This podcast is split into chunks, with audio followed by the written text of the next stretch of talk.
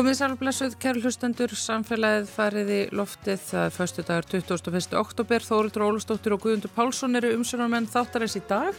Og við byrjast velverðingar á því að það var nú uh, eiginlega klift þarna á um, loka kaplani í þetta helst sem að vera Ílluðardóttir uh, sáum áðan, það voru smá tæknileg, uh, tæknileg mistök, einhverja fyrirskipanir hér inn í tölvu sem að bara gerðu þetta en það er hægt að ná öllum þættinum í e, spilararúf. Það er ímislegt sem við ætlum að ræða á þessum förstu degi. Nú stendur fyrir dyrum að kanna möguleikana á bor eftir heitu vatni á Kjalarnesi. Við ætlum að tala um heitt vatn á höfuborgarsvæðinu með tvo sérfræðinga sem kom að kortlagningu svæða í og við höfuborgina þar sem jarðhitta er að finna. Börum við það betur á eftir. Og svo ætlum við að tala um havragraut. Björk Bjarnadóttir eh, kom til okkar eh, fyrir nokkru viku síðan. Þá var hún á leiðinni á alþjóðlega havragrautskeppni í Skotlandi. Nú er hún búin að keppa og við fáum að vita hvernig gekk og við fáum líka loksins að vita uppskriftina af sérstaka havragrautum hennar sem að ég get staðfest að er verulega gómsætur. Það munur allir sem að hlusta á þetta samtal okkar við Björk vilja prófa sér áfram í havragrautskerð. Sanniði til. Svo fáum við dýraspjall í lok þáttar. Það er Snæpjörn Pálsson, profesor í stopplífræði við Háskóli Íslands sem kemur og eh, segir okkur meðal annars að breytilega dýrategunda hér á Íslandi og segir okkur af rannsóknum á þeim. En við byrjum að hára grönt.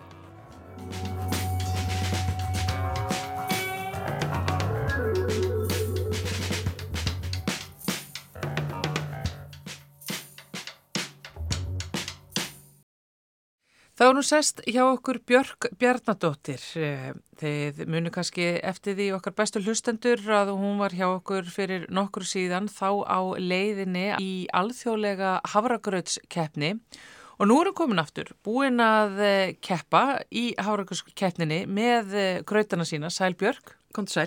Hvernig gekk? Það gekk bara mjög vel. Ég sagt, var að keppa bæði með þennan speshavragraut og svo svona hefðbundin sem eru havrar, vatn og salt og við vorum 27 að elda og við vorum 6 sagt, sem komist úslitt og ég er eina af þessum 6. Já.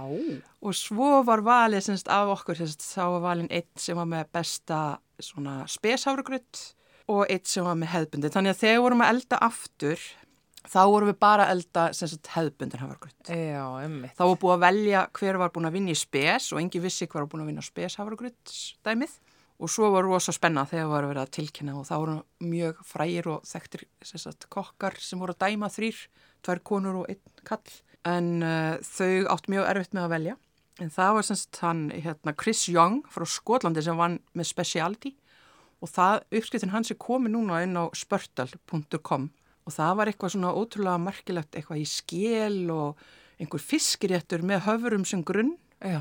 og svo var hún Lisa Williams sem var með hefðbunda hafgröðin, hún er frá Breitlandi og hún notaði blöndu á svona pinhead höfurum og vennlegum höfurum og salt, soft, mjúkt sjáarsalt Já.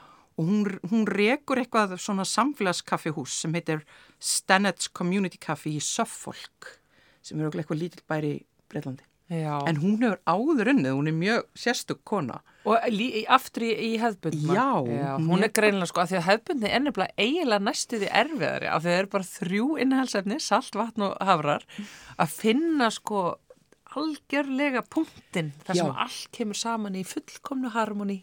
Algjörlega og það er þetta með saltið og það er alltaf hvernig salt þetta nota og hvað þetta nota mikið. Mm og síðan uh, hva, hvaða típa höfrum ert að nota. Já. og hvað er mikið vatni? Einhver, einn dómari sagði að hann vildi alls ekki hafa hafargröðin og sleipilegan og svona annar sagði að hann vildi alls ekki á mikið salt annar vildi minna salt þannig að þetta er náttúrulega Öllum finnst eitthvað um hafargröðin og það er, veist, einmitt saltmagnið, áferðin allt þetta sko. Þannig að við þetta kemur það í þessari kefni Já, og núna sem sagt ég hérna fekk hafrana frá Svíþjóð í gegnum fyrirtæki sem heitir Soltó og hann tóti í hérna frú laugu. Hann hjálpaði mér að fá hafrana og ég er bara að þakka honum fyrir og núna er hægt að kaupa svona stálskortna hafra hjá honum, hérna frú lauga og bændunir. Já. Og sko, ég var nú náttúrulega að segja af því að áðurinn við gengum hinga til stúdjós að þá fjekk ég að smakka nefnilega hafragröðin sem að þú kef, keftir með og þetta var mikil viðhöfn. Eh, eitt af því sem ég tók eftir var að áður en að þú fóst að hafa til hafragröðin fyrir mig, þá lagður dúk á borð sem að mér fannst gera uppleifinuna stórkoslega. Bara strax þannig byrjun, eitthvað svona eins og að setja dúk á borð. Já, dúkar eru mjög mikilvægir þegar þú ert að borða og bara fagurt umhverfi því við borðum fyrst, sko, við setjumst við borðið og við horfum með augunum og við byrjum einhvern veginn að inn, innbyrja matinn með augunum og þess vegna er mjög mikilvægt að hafa allt fallegt, ekki of mikið anninu, bara akkurat. Ef þú ert að borða mat á plastborði, það er einhvern veginn ótrúlega kallt. Það er ekki spennandi. Þú finnur einhvern veginn ekki fallegar goða tilfinningar frá matnum.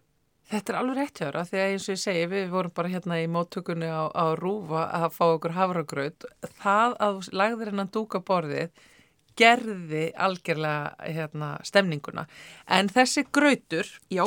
sem að ég fekk hjá þér, sem að er grauturinn þinn, hann mm -hmm. var algjörlega stórkoslegur og ég bara er ekki að ljúa, ég, þetta er besti hafragrautur sem ég fengið. Takk fyrir.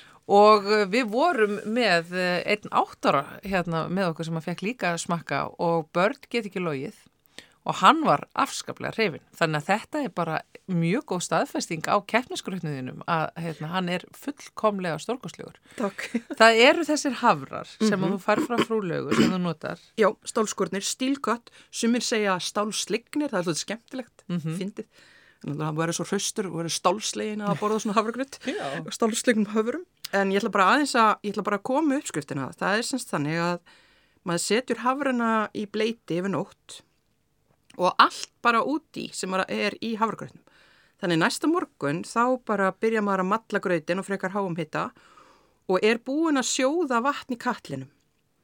Þannig að alltaf þegar vantar smá vatn og bara skellir maður smá úti að því að það náttúrulega má ekki brenna við. Já, já. Og hræra bara... Vatnið er þá heitt þú setja úti. Já, mjög mikilvægt að hafa sjóðandi vatn í katlinum. Mm. Og eftir svona cirka hálftíma þá er grauturinn tilbúin. Af því þetta eru stálskornirhafrar þá er smá bit eins og það fannst. Já í grötnum. Já, hann er ekki mér, lunga mjúkur. Ég, það, það er það sem að mér finnst, finnst gott við havragröt af því að ég er að uppvita að ég er með þannig smekk að ég vil hafa smá finna fyrir áferðinni. Ég vil aðeins svona geta fundið með tungunni að það úr hverju grötur hún er. Nákvæmlega. Síðan setur hann náttúrulega bara í fallega skál og síðan set ég halva teskeið af íslensku hunangi sem ég fekk frá vinni minn Torbjörni Andersen, svo útrúlega gott, mikið bræð íslensku hunangi og, sko, og möndluflögur til hliðar og þundskorinn eppli með hýðuna á lífræn eppli til hliðar. Já. Og það er mjög mikilvægt að setja hönungi fyrst því þá byrja það að bráðna inn í hafragröðin. Ekki setja það seinast því þá er það allt í klístri. Alveg... Og svo er triksið fyrir þá sem að elska rjóma að hafa mikið að rjóma. Já. Eða lítið þessum er ekki hrifnir á honum. Ég klikkaði ekki á þessu. En, en í grötnum sjálfum? Já, nú skal ég koma uppskriftina. Að vera tilbúið með blíjant og blað. Já. Það er sem sagt þannig að ég vikta 20 gram smjör, ósaltað, svo eru tveir bananar, saksaðar bara í sneiðar, svo eru tveir bollar havrar, það er þessi amerísku bollar og ég rekna út að það er svona cirka 5 desilítrar, mm -hmm. tveir bollar havrar og 10 desilítrar þá að köldu vatni eða fjórir bollar amerískir. Síðan er það halv teskið salt salt og það, ég notar sjáasalt frá saltverk af því mér finnst það svo bræðgott og sumi myndi vilja hafa aðeins meira þannig að það er gott að setja kannski halva teskið og svo aftur smá á milli fingrana hef ég gert. Já. Svo eru það tvær sveskjur og bara smátt saksaðar og tvær döðlur líka saksaðar og tvær aprikósu saksaðar og ég mæli með að reyna að velja allt lífrænt hráöfni í gröytin þar sem það er svo ótrúlega mikill bræðmur, gott bræð af svona þurkuðum águstum. Þetta er semst þurkaðar águstir, svesku, döðlur og aprikósur og svo vikta ég 40 gram af rúsinum og svo koma kryttin. Þá er það semst að muskat á nýfsoti og já, við verðum bara að passa okkur að setja ekki á mikið á muskati þegar það er svona krytt sem getur tekið yfir. Það er frekt krytt. Einmitt, frekt. Ekki setja á mikið, bara að æfa sig Svo er það kanill, uh, eitt fjórðu teskeið og engifer duft, eitt fjórðu teskeið og turmerik, þá seti líka svona smá nýfsoti eða svona halva. Já. Ef þú ert með einn fjórðateskið, hafa halva turmerik í henni. Já. Og þessi frábæri krydd fekk ég hjá henni í Mabrúka og hún er nýbyrjað að vera með krydd innflutning á Íslandi og þau eru svo stórkoslega góð, það er svo mikill ilmur og mikið bragð Og mikið kraftur í þeim. og mikill kraftur, þannig ég mæli með þeim, en allt í lagi þótti séð ekki með það frá henni. Svo er það triksið sem ég fekk frá vinkonum minn í Kanada, henni Karin Peters, hún er kokkur í Kanada. Ég var saði henni uppskriftina og þá saði hún svartu pipar.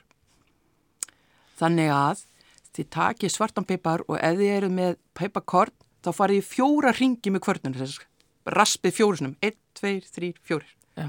og hann í grötin, hrærið þessu rólega saman, setið loki á pottin og bara geymið í, inn í ískápi yfir nóttina. Já. Þú þarf til að þið byrja að hita allt þetta upp. Já, ég gerði þannig að þú fyrst í morgun, ég blandaði hann svona cirka átta í gerkvöldi og eldaði hann kortur yfir nýju morgun. Hann var æðislegur.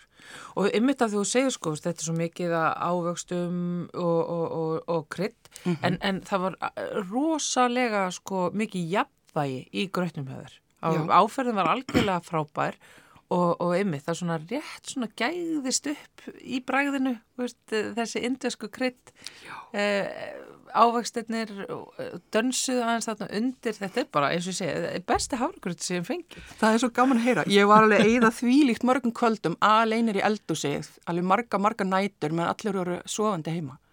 Og stundu var ég bara með höfuljósið að því ég var ekki nógu góð að byrtu og var stútur þetta og ég hugsaði bara, byrju, hvað er í gangi? Ég bara verð að ná þessari uppskrift. Ef ég næ ekki þessu uppskrift, þá get ég ekki staðið með almennilega.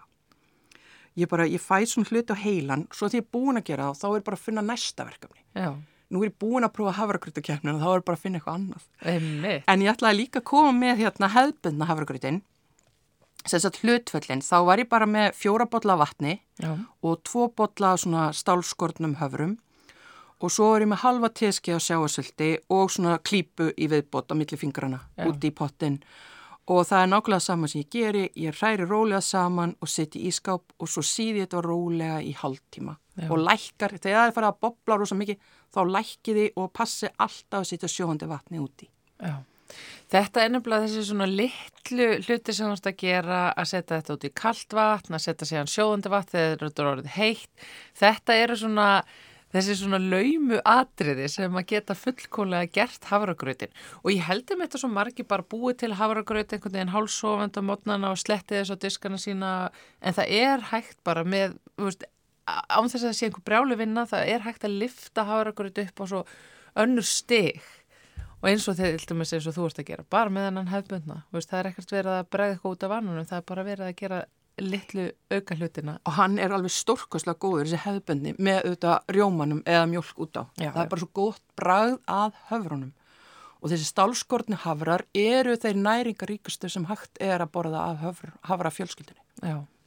Þú ert, eins og þú sagðir, Björk, náttúrulega færið hafragrautin á, á heilan og ég veit af því að þú ert þjóðfræðingur og þá fórstu náttúrulega að skoða þér hafragraut sögur og það er náttúrulega ógrinni af þeim. Mm Já, ég er nefnilega komin líka í það verkefni að fara að skoða sem sagt þjóðsögur sem tengjast höfrum og hafragraut og líka smá salti. Ég er bara, það því salti er náttúrulega mikilvægast að krytti í heiminum. Já. Það er ekkert bræða mat að það er ekki salt. Og ef maður vil tjá einhverjum ást sína þá á maður að segja að ég elska því að mikið á salt. Og það er til saga um það. Jú, Já. og það var þannig að það var sagt, kongur sem átti þrjár dætur og hann vildi fá að vita hver mikið þær elskuðu sig. Og þess að tvær elstu sögðu ég elska ég mikið og gimsteina alla gimsteinin í heiminum og hinn allt gullið í heiminum. Og þá kom svo yngsta og sagði ég elskaði ég mikið og salt. Og hann brást illa við og rakana heiman og sagði þú ert ekki lengur dóttu mín. Síðan uh, einhvern veginn kemst hún í það að fá vinnu í eldúsi konungs. Og hún tekur út allt salt. Og konungur er mikill selkeri og bregst illa við og segir hvað er að matnum og, og kokkurinn veit ekkert hvað er í gangi. Og uh, hérna síðan laumar hún salti í matin og kongur verður afar hamingjusamur og tekur alla til yfirheyslu sem búa er að vinna í eldusinu. Og þá kemur stúlkan og segir honum að hún hefði tekið út allt salt og ákveða honum að aðtöga hvernig maturinn yrði þá og síðan hefði hún bætti inn og hún var í dóttur hans og þá sættist hann aftur við hana. Já. saltið er mikilvægast. Hmm. En ég er líka að skoða nokkrar, ég er búin að skoða bara nokkrar e, þjóðsögur og það er aðalega í íslensku ævintýrunum Já. og síðan er náttúrulega Kerling vill fá nokkuð fyrir snúðsinn og já, ég mæl bara með því að fara að skoða líka þjóðsögurnar með börnum sínum ekkit endilega gröytartengt, ég bara vil að allir lesi og, og hérna upplifa þjóðsögurnar Já. af því þar eru svo skemmtilegar og fyndnar og koma svo mikið á óvart. Það er svo margt í þessu nefnilega. Sko, þú varst líka aðeins á faralsfæti eftir Hafragröðskeppnina og þú, þú var komin þarna til Skotlands og, og, og, og ferða á svona staði sem að fólk er nú annars ekkert mikið að- kíkja á. Sem sagt, það var vinkonu mín Heiða Ólastóttir. Um, ég hefði aldrei geta gert, þessa, gert þetta allt án hennar sem að rata um allt og muna eftir öllu og græja og gera. Því þetta voru ofbærslega mörg handtök að hafa allt á hreinu. Og en hún sem sagt komið það ósk að fara til Helgu eigunar að Jóna sem reyndan vestuströnd Skotlands. Og við keirðum semst frá um, Carbridge og á einu degi og allarleið til hérna Oban sem er lítill bær við sjóun og tókum ferju þaðan til eigunar Mull og keirðum þá eigi og enda í gjörsanlega hrítil óðu veðri svo mikið rók og rigningu sá mikið neitt. Og þegar við vorum loksins komin í, í hérna bæin þarna við ströndina sem áttum að taka ferjan til að jóna þá saði maðurinn á kranni við skildum bara stökkum borð því að ferjan væri bara að fara, hún væri ekki að fara eftir áallin hún bara færi því hún gæti.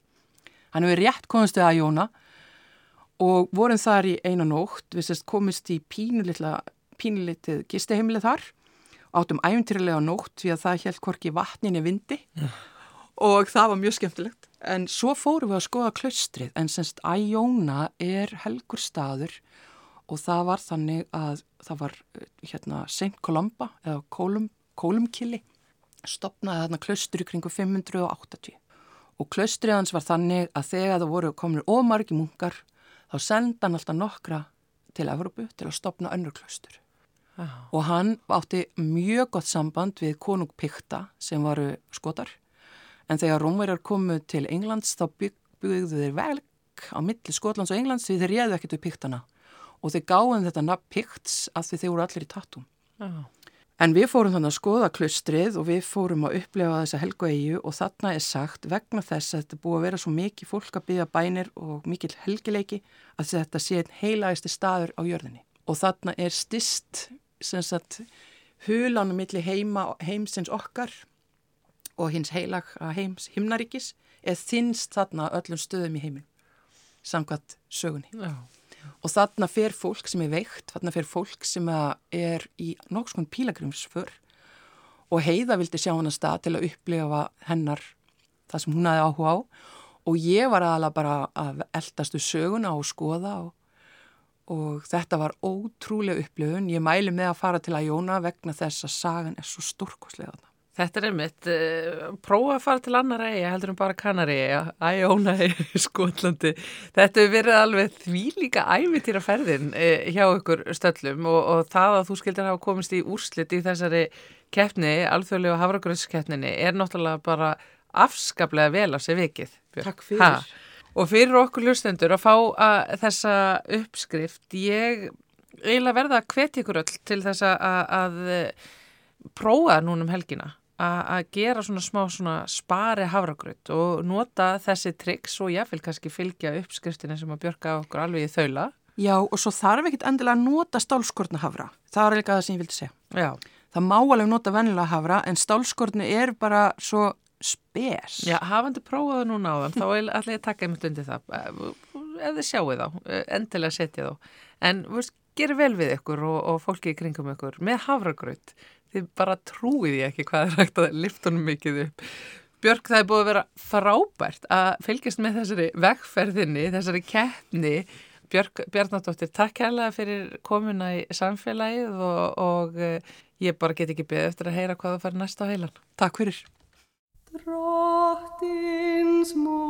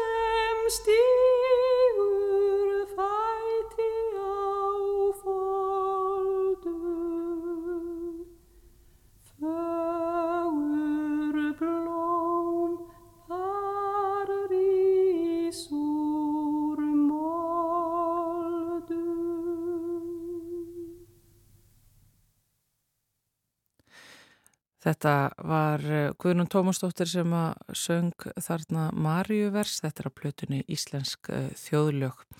En hún Björk fekk að velja þetta lag af því að hún er enþá með hausinn í klustrunum á Íóna eiginni, uh, katholsku klustrunum þar, en þetta er einmitt katholst lag. Það fjallar með í morgumblæðinu í dag að það standi til að kanna möguleikana á að nýta heitt vatn sem geti leinst á kjalanessi og, og er þar, það er eiginlega vita mál, það er heitt vatn þar. Um, og þetta er vinna sem er að fara í gang og þeir eru sestir hjá mér Egil Marón Þorbergsson sem er sérfræðingur í nýsköpun og tæknið þróun hittavitu hjá vitum og Þráin Friðriksson sérfræðingur í jarðvísindum. Verið velkomnir til okkar. Takk. Ef við byrjum á, á kjalanessi, við veltum því fyrir okkur. Hvað er verið að skoða þar og af hverju eru er veitur að tegja sér þangað? Sko á kjalanesi er vitað til þess að það er hár hýtastígull, þar að segja að þar vex hýtastík hratt með dýpi í jörðinni og uh, það er mjög sterk vísbending um að það sé nýtanlegur jarðhytti og það sem við erum að fara að stað með á kjálnesinu er að, er að bæta við svo kallum hittastígulshólum þetta eru grunnar hólur, 60-100 metra djúpar, grannar. Og gerðar til þess að fyrst og fremst að gera hittamælingu og þegar uh, niðurstöðunar koma á þessum hittamælingum þá getum við teiknað upp uh, kort af svæðinu sem sýnir hittastíguls frávikið og þetta er aðferð sem er mikið beitt við jarðhættaleit og, og þegar við erum með eh, svona sprungutengt jarðhættakerfi þá teiknast þau gerðan upp sem hittastjóls frávik sem hefur svona línulegan eh, eða svona spóruskjölaga útlitt það sem, það sem uh, hæsti stígullin er í hérna uh, afmarkasprunguna sem jarðhættin er, er tengist þannig að þetta er, þetta er svona fyrsta skref í talsveit lengra ferli og, og mun svona hjálpa okkur til þess að þrengja svæðið sem við viljum leita á með dýpir í bórunum. Já. Og það þarf að fara í þessa leita vantar heitt vatn eða hvað? Já, e, það náttúrulega er búin að vera gríðileg uppbygging hérna á höfuborgsæðinu og veitur reyka hérna hittaveitina á höfbruksæðinu og, og við erum búin að vera í miklu samstarfi með öllum sveitafélagunum á höfbruksæðinu að, að reyna að kortleika þennan vöxt. Og við genum svona, þetta er svona kringum 100 lítra á sekundu svona uh, afl toppurinn sem er að aukast um á hverju ári. Uh, einn svona hóla á lágætasvæði gefur okkur svona kringum 30 lítra á sekundu Uh, einn svona, já, það, það dögur kannski fyrir svona 1500 hús einn svona hóla, myndi ég segja. Að, en, en já, það er búið að vera gríðarlega vöxtur uh, í hittavitinni og, og þetta er þá næstu skref að, að leita að, að lág þetta til þess að mæta þessum vöxti Já, en hvaðan kemur vatnið núna? Ef við fer núna og skrúa frá hérna inn á Baðarbyggi hérna í Estaliðri Hérna þá ert þú að fá sagt, vatn eh, úr lögadal og úr hérna frá Reykjahlíð og Reykjum í Mosels bæ. Já, pínulítur alladal. Já, eitthvað, eitthvað lítur alladal. Sem sagt, eh, veit, eh, sem sagt, þetta er, þetta er svolítið flókin hitta við þetta hérna á höfuborgarsæðinu. Hún er sem sagt skipt í tvent. Við erum með eh, vatn sem er frá virkinum uh, Nesjállavirkjun og Helliseiðavirkjun og síðan eru við með fjögur lághættasvæði líka á höfbruksvæðinu sem streykir og reykjalið í Móselsbæ uh, í Laugadal og síðan Elláðsvæðið og því miður þá er ekki hægt að blanda þessu vatni saman sem er að koma frá virkjununum og lághættasvæðinu þannig að við þurfum að reyka þetta sem tvær aðskildar hittaveitur Og hvers vegna er ekki hægt að blanda þessu saman?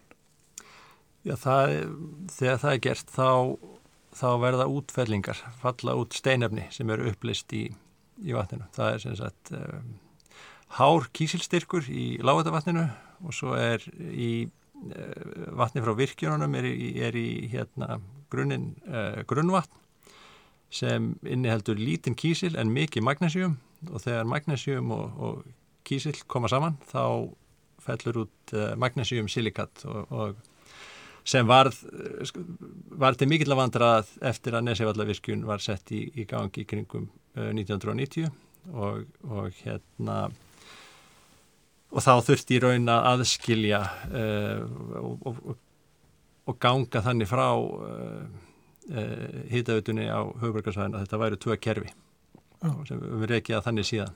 Og þessar útfellingar þær sapnast þær fyrir í kerfunum og, og valda þannig vandra? Já, Já. þetta er bara svona eins og kransaða stífla.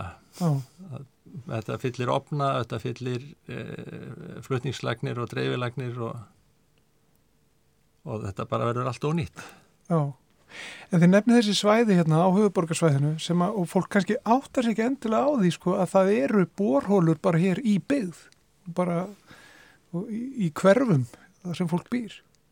Já, já, og, og hérna, er emitt í laugadal og, og hérna, það er hægt að sjá emitt fyrir utan til þess bandaríska sendiráðið, þar sem að gufustrókun eru út og það, er, eru með fullt af borhólum sem eru emitt í kringum svona 120 til 130 gráði heitar og, og eru búin að standa sig mjög vel hvað bara síðan 1900 Já, það, það eru svona frá, frá 70 Já. og eitthvað hólunda sem við erum að nýta það núna. Það hefur verið jæðið nýting uh, mun lengur. Það er hitta við þann byrjaði 1930 um, með vatni frá, frá lögadalum. Og þannig eru, eru borhólur á, á svæðum sem að eru byggð uh, og það er verið að þjætta byggð og það er verið að endurskipuleggja byggðina hérna á höfuborgarsvæðinu töluvert. Er, já, er alltaf skilningur á því að, að borhólur þurfi að vera þar sem þær eru. Og, og þessi kannski litli skúr sem að strókurinn stendur upp úr, það er ekki alveg endilega hægt að færa hann ef, Nei, ef, nei, ef, ef hann er fyrir í skipuleginu. Borhólun er náttúrulega svona cirka 2 km niður, við færum hann ekki. Mjög það. og, og þetta er bara held ég kannski var ekki mikil skilningur en, en það er búið að bæta, bæta það mikið og við hefum í miklu samtali núna við eins og Reykjavíkuborg og það er búið að batna tölvert og, og, og etna, þannig að við erum að koma fyrr inn í skipulagið og, og, etna, og erum í samstarfið á við að, að, að þessi þjættingareiti Já. til dæmis eins og í heklu þar sem við vorum í miklu samstarfi við uh, Reykjavíkuborg og, og þá sem er skipulegið það svæði til þess að einmitt að, að passa upp á borluna sem er þar Já, Og það sem, já, það sem, þetta er alveg skiljanlegt að þetta gleymis vegna þess að sko eins og þetta er reki þá, þá gerist mjög lítið við bor, borhóluna í mjög langan tíma. Það það kannski að gera eitthvað á 30 ára fresti en þá þurfum við að koma að uh, tækjum til að skipta um dælu eða, eða, eða og setja bor til að hreinsi bora og, og og sjálfu sér sko fer þessi landnýting ágætlega saman sko við mjög margt eins og opin svæði eða bílastæði en mm. -hmm. leiðu upp að byggja hús þarna við hliðina þá, þá er ekki hægt þannig að hérna að þegar þetta gerir svona sjaldan uh, og, og það eru margar kynnslóðir af starfsmunum hjá borginni og hjá, hjá veitum sem eru búin að koma og fara síðan eitthvað gerir síðast þá er alveg skiljanlegt að þessi hlutir gleymist. já. Eru þá svæði, þessi svæði eins og segjum bara laugadalur eða elladalurinn uh, eru þessi svæði full nýtt eða væri sko, væri þetta að taka margar hólur þar í, í viðbót e ef það væri pláss til þess? Sko, það, við sjáum ekki fyrir okkur að bæta við mörgum hólum í e, lögadalunum e, en við sjáum fyrir okkur að auka vinsluna frá því sem nú er, þar að segja auka hámarksvinsluna e, með því að vera með dælur sem fara dýbra og eru, eru öfluri. Þannig að við getum uh, sagt, fengið meira út úr hólunum þegar áþarf að halda sko, og það, það er það sem við erum í raunin alltaf eldast við, það er hámarks hámarsvinnslan. þessi kaldasti tími í, í janúar og februar. Já, Það er Já. svona hámarkspunktur og við erum alltaf að eldast við þann. að annað því. Já, an, annað því.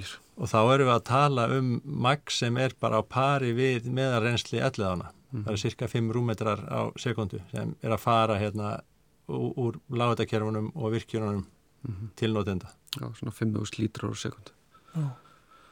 Eru tækifæri til, að, til að nýta betur það sem er fyrir? Er það þá, er, eru tækifæri til þess?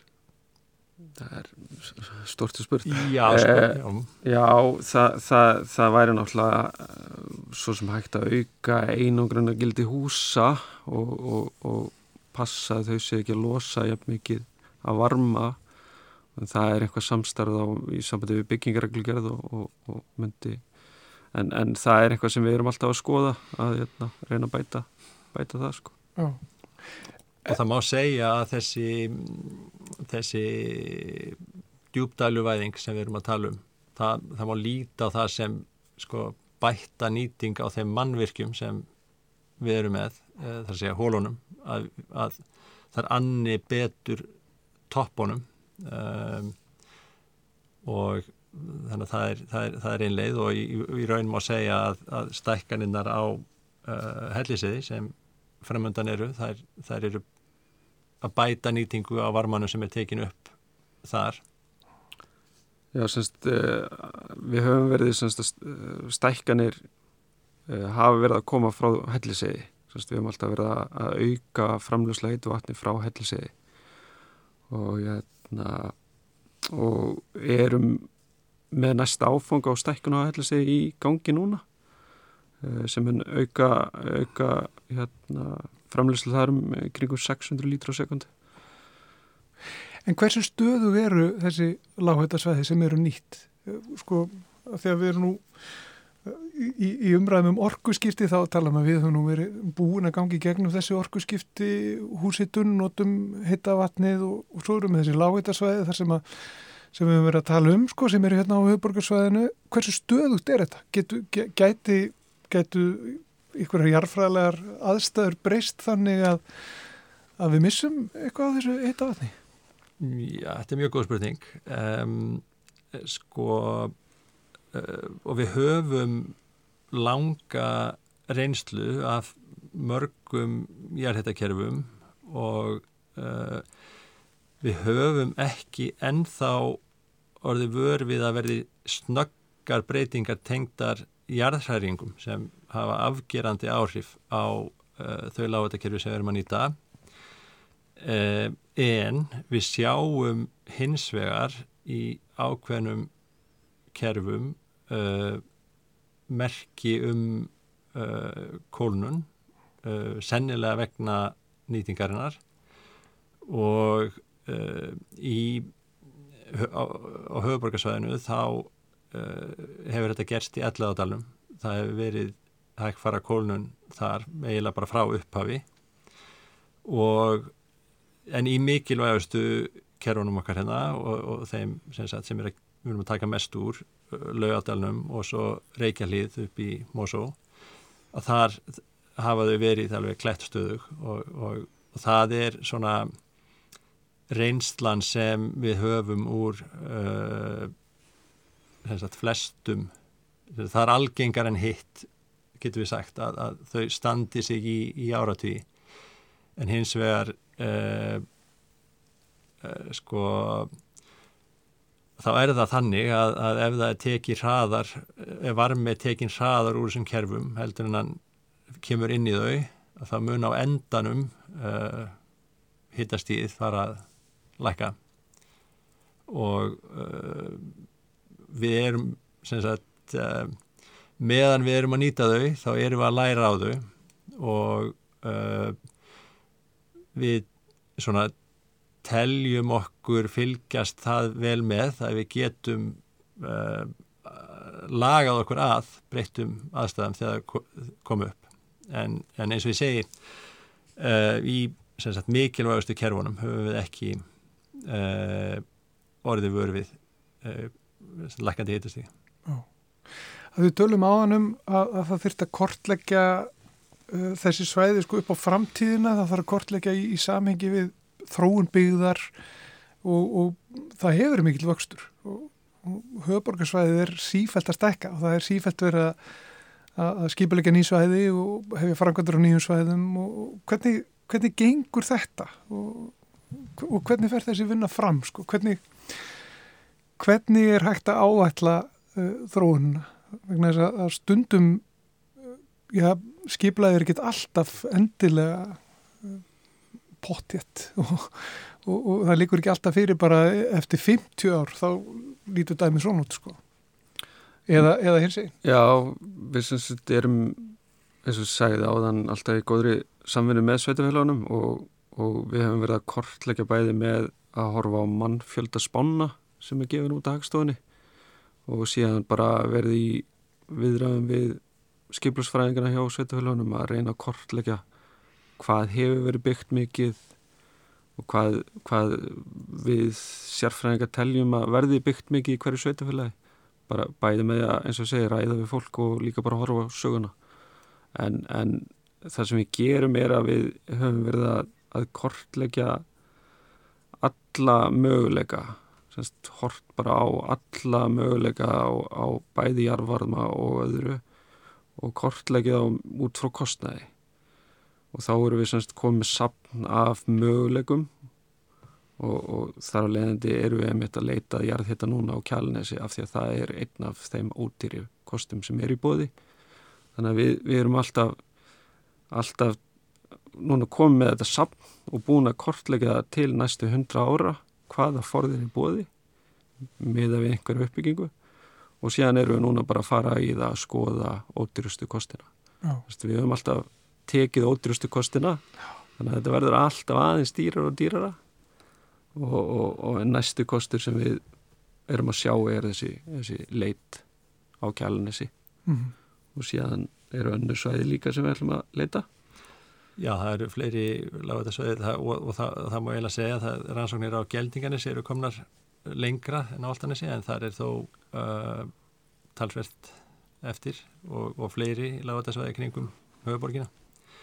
En það er sér að, já, niðurstaðan af þessu uh, stefnuverkefni sem við höfum verið í með varandi forðamál til framtíðar já, á höfuborgarsvæðinu, þá er eina niðurstöðunum að, að, að, að lágheitasvæðin er að gefa lang ódýrustu orkuna inn á kerfið og eru svona um það bíl tvísarsinnum ódýrari heldur en vatn frá uh, virkunum og uh, og ef við og miða við sko mm, gladvarma og uh, þá erum við að tala um sko fjórum til áttasinnum ódýrara. Þannig að sko lágveitasæðin eru alveg augljós kostur að reyna við. En En, og, það kemur inn á það sem ég vart að segja með sko, hvernig hefur gengið að, að, að hérna, para saman uh, vöxtinn og skipulægið og það allt saman að, að hérna, það þarf að fara í rannsóknir á látasjónum með góðum fyrirvara vegna þess að uh, þau uh, árangur er óviss. Það er ekki að við vitum ekki að við fáum 100 lítur á sekundu frá kjælanessi kannski fá ekki neitt, kannski fá 200 uh, eh, það er bara langur vegur uh, að því að, að geta sagt eitthvað fyrir en það með vissu. Og uh, en þegar sem sagt til þarf að taka, þurfum við að hafa þetta á hennu og eða þá að leita á okkur allan grunni þannig að það sé að fara í aðra kosti í tæka tíð. Ó, Þú nefndir hann að hutagáðan sem er glatvarmi. Hva, hvað þýð það? Já, sem stóriðjan eh, hefur náttúrulega gríðilega orku í bara afgasinu frá verksmiðanum eins og til dæmis Elkem.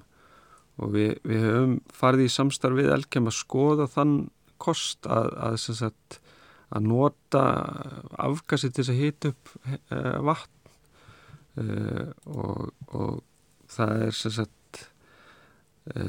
það væri betri nýting náttúrulega á auðlind að, að, að ná í þann varma en sá búnaður er bara enþá það dýr uh, þegar við erum með enþá jarðvarma til staðar að, að það er ekki, ekki komið inn í myndina sem stendur mm -hmm. en við erum alltaf að reyna semst, að skoða þetta hvaða kostir eru ódýrastir, hvaða kostir eru bó, í, í bóði.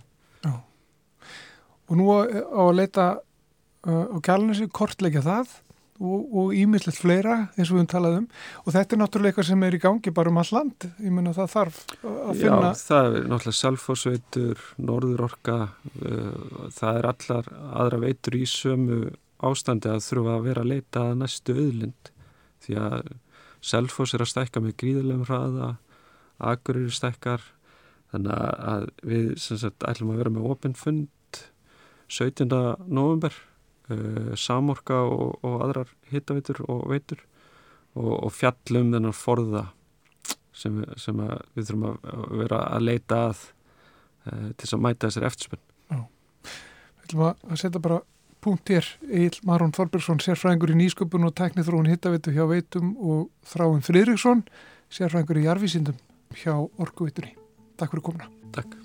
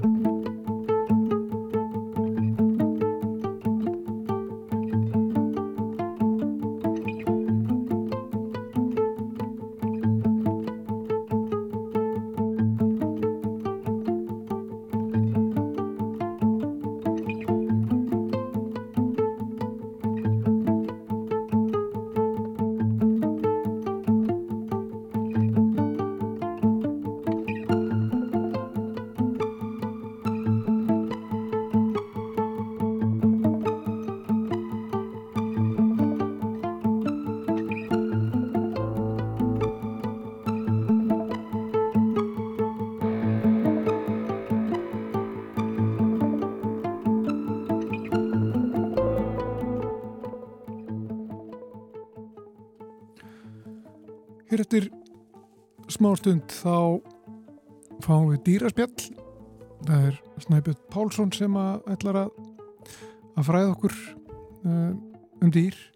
Já, Á- og á sína, já, sína rannsóknir. Hann hefur uh, skoðað breytileika tegunda á Íslandi meðal annars og við forvittnumst um það og sem að hans svona fræði grein. En áður við gerum það, ef við ekki að skella í eins og eina málfarsmínútu.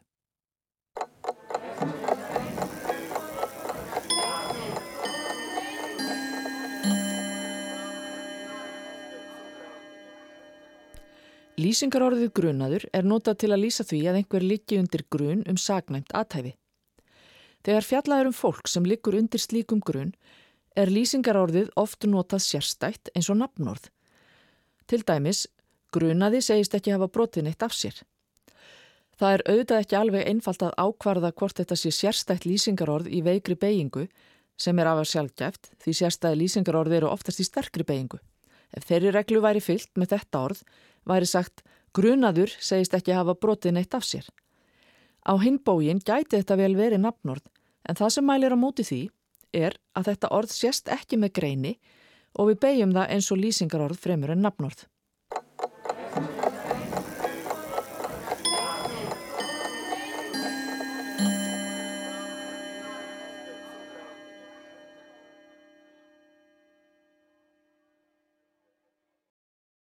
Við ætlum að taka upp gamla dasgrálið hér í samfélaginu sem að gengur undir nafninu dýraspjallið en eh, við spjöllum ekkit endilega um dýr. Þetta er bara svona allt lífríkið undir og fáum þá til okkar um, náttúruvísendafólk úr öllum áttum um, þjóðfélagsins og eiginlega gefið þeim lausan taumu. Lefum þeim bara svolítið að tala um það sem þau eru að spá í og skoða og skemmta sér yfir í vinnunni sinni og fræðunum. Um, að þessu sinni er uh, maður komin til okkar frá Háskóla Íslands. Hann er þar uh, prófessor í stopn líffræði og heitir Snæbjörn Pálsson. Sælurstu. Já, sæl. Stopn líffræði er hvað? Jú, það fjallar um stopna lífera, um, breytileika þeirra og fjölda og ég hef svona aðlega verið að fást um, mm, við breytileika tegundana þessara stopna. Já. Hvort að stopnar ákveðinu svæði eða einstaklingar ákveðinu svæði séu öðruvísi en einstaklingar á öðrum svæðum eða öðru löndum og þá spurning hvernig sá breytileiki sem við sjáum verður til, hvernig hefur að mótast og þetta er náttúrulega eitt sem einkennir líffræði eða lífheimin bara í sjálf, allan er þessi mikli fjölbreytileiki og minnaði svona að reyna að ná höndum á honum, hvernig getum við rannsæka hann og, og, uh, og skoðað. En er ekki hundfúlt að vera stopplífræðingur á Íslandi? Af því að hér er nú ekki mjög mikill fjölbreytileiki þegar kemur að kannski lífverum. Já, það var spurning svona ja, kannski aðeins meira krefjandi en í öðru löndum en svona aðeins einfaldara kannski, það eru færri tegundir en uh, ef maður skoðar sagt, þessar tegundir þá er heilmikið breytileiki og, og margt að, að skoða þannig um, já, það er svona í samanburði við söðlari breytagræður þá er, er fáa tegundir og líka löndin í kringum okkur það sem að lífríkja í Íslandi hefur mótast af jökul skeiðum Ísaldar og sem að lá, þegar jökul lág yfir öllu landinu og, uh, og líka fjalla frá öðru landum þá að líf verður á landi þurft að flestar að nema land með að komast yfir hafið og, og, og hafa bara haft um 15.000 10.000 ár til þess meðan lífverður kannski við miðbu hafa verið þar í, í miljónir ára eða 100 miljón ára mm. en um, og þetta móta svolítið lífriki á Íslandi, já. Þannig að við erum með fáa tegundir af ferskvarsfiskum eða fugglum eða plöntum eða, eða hvar við komum neður. Takktu þá dæmi úr íslensku lífriki sem að þú hefur svona greint og fundið eh, hverju það tilherir og af hverju? Já, sko eitt af því sem að kannski einkennandi fyrir lífverður á Norðurslóðum er að það er oft lítill breytilegi innan svæða en síðan eru skörp skil á milli svæða. Og þetta hefur verið útskýrt þannig að margar lífverður að tegundir hafa lifað af á söglæri breytagráðum til dæmis í söður Evrópu á jökulskeiðum. Og þar hafa verið einangrum frá hvort öðru í langa tíma og sapnað breytingum, stökkbreytingum, jarðamenginu eða eitthvað mákvæmum útlits eiginleikum og svo þegar jökullin hopaði að þá námu þessar lífverður land aftur og og þá hafði í sömu tilvægum kannski komið fáir einstaklingar ná komið til Íslands og, og lítill breytilegi þar að leiðandi. Og við sjáum þetta til dæmis í, í sömu nýjum landnæmi sem hafa komið ynga bara eins og í vorflugum, flugum sem að lifa í, í fyrstu svona lirfusti í vatni og fljúa sér um og eftir Já. að það er til að snamein land uh, fyrir nokkur á síðust öll og við sjáum engan breytilega ákveðnum erðamörkum en skýra skiptingu eftir svæðum í Evrópu. Þannig að það er þetta svona eina af þremur undir tegundum út af því að það er svona smá útlýslegur breytilegi. En í öðrum tilvikum þá gæti uh, komið landnemar rólugum frá ólíku svæðum eins og frá Ameríku eða Evrópu. Já. Flesta lífur hér hafa komið frá Evrópu, það er Grænlandsjökull er bara mikil hindrun, Östu Grænland er mjög heimskutalegt búsvæði en uh, við sjáum til dæmis aðra vorflugu, þar sjáum við að landum bara, við sjáum sömu gerðir hér í, og við finnum í Ameríku og í, og í Evrópu og það, í því tilvíki er mjög mikill breytileiki og það er dæmi um tegund sem að mögulega fóru á milli með manninum þegar að Íslandingar hérna um árið þúsund fóru í kjölfar Eiriks og eila lögu landa með manna á nettinum. Já.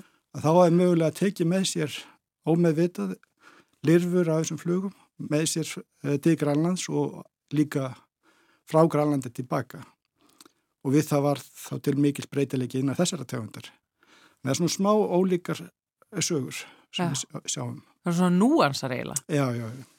En eitt, eitt kannski skýrt munstur er kannski á mörgum fugglum þótt að þeir geta flóið langa vegalendir, þá er ofta svolítið staðbundir þeir uh, sækja heimaslöðunar og þar sjáum við margar undirtegundir sem er þá skilgreindar út frá útliti að, að það er svona, það dreifast ákveðin svæði ákveðin útlitsenginni og þá eru flokka sem undirtegund að í kringu Norðupól eru kannski 5, 6, 7 undirtegundir af innan tegundar og þetta er mjög algengt í mörgum tegundum Og Íslandi eru einmitt, það verið skilgreyndar eitthvað um 13-14 undutegundu fuggla sem eru á Íslandi eða á Íslandi og í nákvæmna löndunum.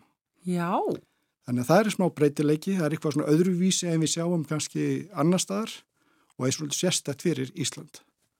Mikið er það nú gott fyrir svona Íslandiki výmann að heyra að það sé eitthvað svona alveg sérstakt og einkennandi fyrir okkur. Eins og hvaða Já, fugglategundir? það er til dæmis eins og minna að vera spáillans í auðnutilling eða músarendil, þessi litlu fugglar, Já, uh, líka sendlingar og, og uh, tíðanbilið líka hrafnin og, og en, uh, en í sömu tilvikum er þetta svolítið svona, já, þetta er eitthvað sem við getum skoðað með að skoða DNA-ið og bera það saman við útlýsenginin og þar kemur, hefur komið svona ólíka sögur í ljós eins og í auðnutillingunum að þar eru sjáum við eiginlega enga erðafræðilar aðgreiningu í flestu erðamörkum sem hafa verið skoðuð. En þar er útlitsbreytileikin mjög skýr. En ef við nánari skoðum þá er hann greinist hann bara í einstaka genum. Og það er svona dæmi um svona ákveði flækjusti að, að það er nokkur gen sem hafa verið læst saman í einhvers konar ofur geni, má segja, sem að ákvarða hann útlitsbreytileika og það er ekki nema að við skoðum breytileika í þeim genum sem við sjáum mun milli þessara undirtegunda og það er eitthvað sem að kannski náttúrulegt val hefur viðhaldið og, og viðheldur kannski, kannski ólík skilir í ólíkum löndum sem að um, gera verkum að, sem viðhalda þessum breytileika þráttur að sé jafnvel genaflæði milli þessara undirtegunda eða jafnvel tegundi hjá unnutillingum. Ég get alveg tengt við þetta þegar maður veltir einmitt fyrir sér með þessar litlu smátegundur fugglaðis og unnutillingin og músarreyndiling, hvernig ósköpunum þeir hafa bara þrifist hérna í þessum hræðulegu veðrum og vindum Já. sem að geisa hér og þau svona, þetta eru svo litlur og viðkannislegi Já, fugglar. já, það er alltaf bara þið komið engað þá, er, er fyrir að bara upp vera um hér. En þeir geta svo sem lifa góðu lífi oft eh, mörg ár þá gengur önnutillingum bara vel og lifa ágætlega í byrkiskofum. En þetta er það sem að þið geti lesið bara með því að þræði ykkur eftir þessu erðamengi og síðan bera það saman við erðamengisbanka og genabanka og, og þessi stóru kerfi sem að þið líffræðingar hafi aðgangað. Já, núna er komnir bara, maður getur með því að skoða ákveðna raðir og einfaldan hátt getur maður spurt bara hvaðan er líklegt að við, ákveðin tegund hafi komið eða hver einstaklingur hafi komið. Um, stundum getur þetta verið svolítið flóki því að á síðustu árum hefur verið svo mikið flakka á tegundum þannig að einhver svona nýjir landneimar, þeir eru kannski nýjir hér en þeir hafa líka verið að ferðast um heimi fram og tilbaka þannig að mynstrin er orðin svolítið flókin hjá sum tegundum Já. en í öðrum tegundum er þetta nokkuð skýrt þá sér maður bara að nánust ættingjar eru kannski á Breitlandsegum Já. eða og þannig getur maður sagt að þeir hafa kannski komið þaðan, já. Ég er alveg hægt að vorkenna þér að vera stopplífræðingur á, á Íslandi en e, þú hefur öruglega fengið þessa spurningu kannski frá einhverju svona hérna, fólki sem skilur ekki almennilega hvað þú ert að gera. Hvers vegna þurfum við að vita þetta?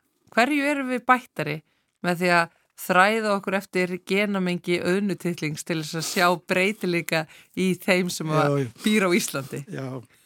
Að, þetta er svona oft bara forvetni sem að rekum hann áfram og líka svona skilningur á hvernig þessi breytilegi verður til. Um, eitt, menn sömur hafa á, áhyggjur af uh, líka af útbreyslu ágengra tegunda og þá reyna að stoppa farleiðir og sjá hvaðan þeir hafa komið.